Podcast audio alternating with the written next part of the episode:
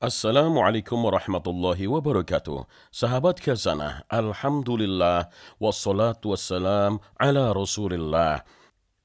Kita akan melanjutkan tafsir ayat-ayat suci Al-Quran, ayat 286, sebagai penutup dari rangkaian tiga ayat terakhir surat Al-Baqarah yang sering kita baca dalam zikir setelah solat. Ayat ini merupakan lanjutan dari ayat sebelumnya tentang kesaksian iman para rasul Allah dan kaum mukminin dan mengandung pula sambutan Allah atas permohonan ampun jika terdapat kekurangan pada amal mereka. Kemudian masuk ke ayat 286 dan Allah Subhanahu wa taala berfirman, "La yukallifullahu nafsan illa wus'aha, laha ma kasabat wa 'alaiha maktasabat." Allah tidak membebani seseorang, melainkan sesuai dengan kesanggupannya. Dia mendapat pahala dari amal kebajikan yang dikerjakannya, dan dia mendapat siksa dari kejahatan yang diperbuatnya. Buya Hamka dalam tafsir Al-Azhar menjelaskan, untuk usaha yang baik disebut maka sabat, sedangkan untuk usaha yang membawa dosa disebut maktasabat. Kedua kalimat itu kita artikan ke dalam bahasa kita dengan arti yang sama, usaha yang baik dan usaha yang buruk. Padahal dalam bahasa Arab, kalimat itu membawa arti sendiri-sendiri. Kasabat berarti usaha yang dikerjakan dengan mudah dan lancar, sedangkan iktasabat berarti usaha yang dikerjakan dengan menempuh kesulitan. Sehingga kita mendapat kesimpulan di sini bahwa tidaklah dipikulkan oleh Allah beban yang tidak dapat dia mengangkatnya. Yang baik, ringan bagi diri memikul dan mengusahakannya disebut kasabat akan memperoleh pahala.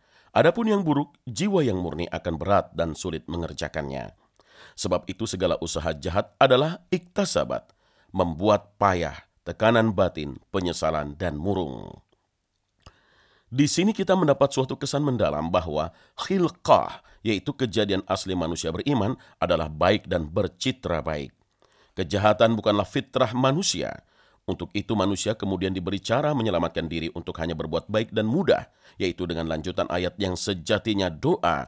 Rabbana la tu'akhidna inna sina au akhtana. Rabbana wa la tahmil alaina isran kama hamaltahu ala alladhina min qablina. Rabbana wa la tuhammilna ma la taqata lana bih. Ya Tuhan kami, ya Allah, janganlah Engkau hukum kami jika kami lupa, lalai, atau kami melakukan kesalahan.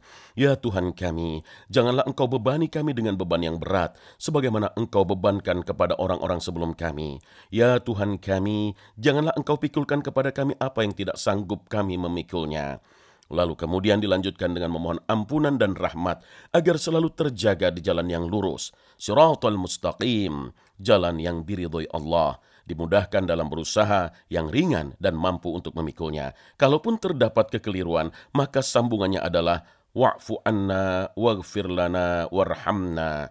Maka maafkanlah kami ampunilah kami dan rahmatilah kami. Karena sejatinya engkau ya Allah adalah pelindung kami dari orang-orang kafir dari orang-orang yang menghalangi kami dalam beramal dari orang-orang yang tidak pernah rela di dalam hatinya Islam untuk ditegakkan Anta maulana fansurna alal qawmil kafirin. Dengan niat untuk memperdalam iman kepadamu ya Allah, memperkuat diri yang lemah ini dalam menghadapi hidup, maka baik dan benar kami haturkan doa penutup surah Al-Baqarah ini. Semoga engkau ridha dan meninggalkan bekas yang baik adanya. Wallahu a'lam bissawab. Barakallahu fikum.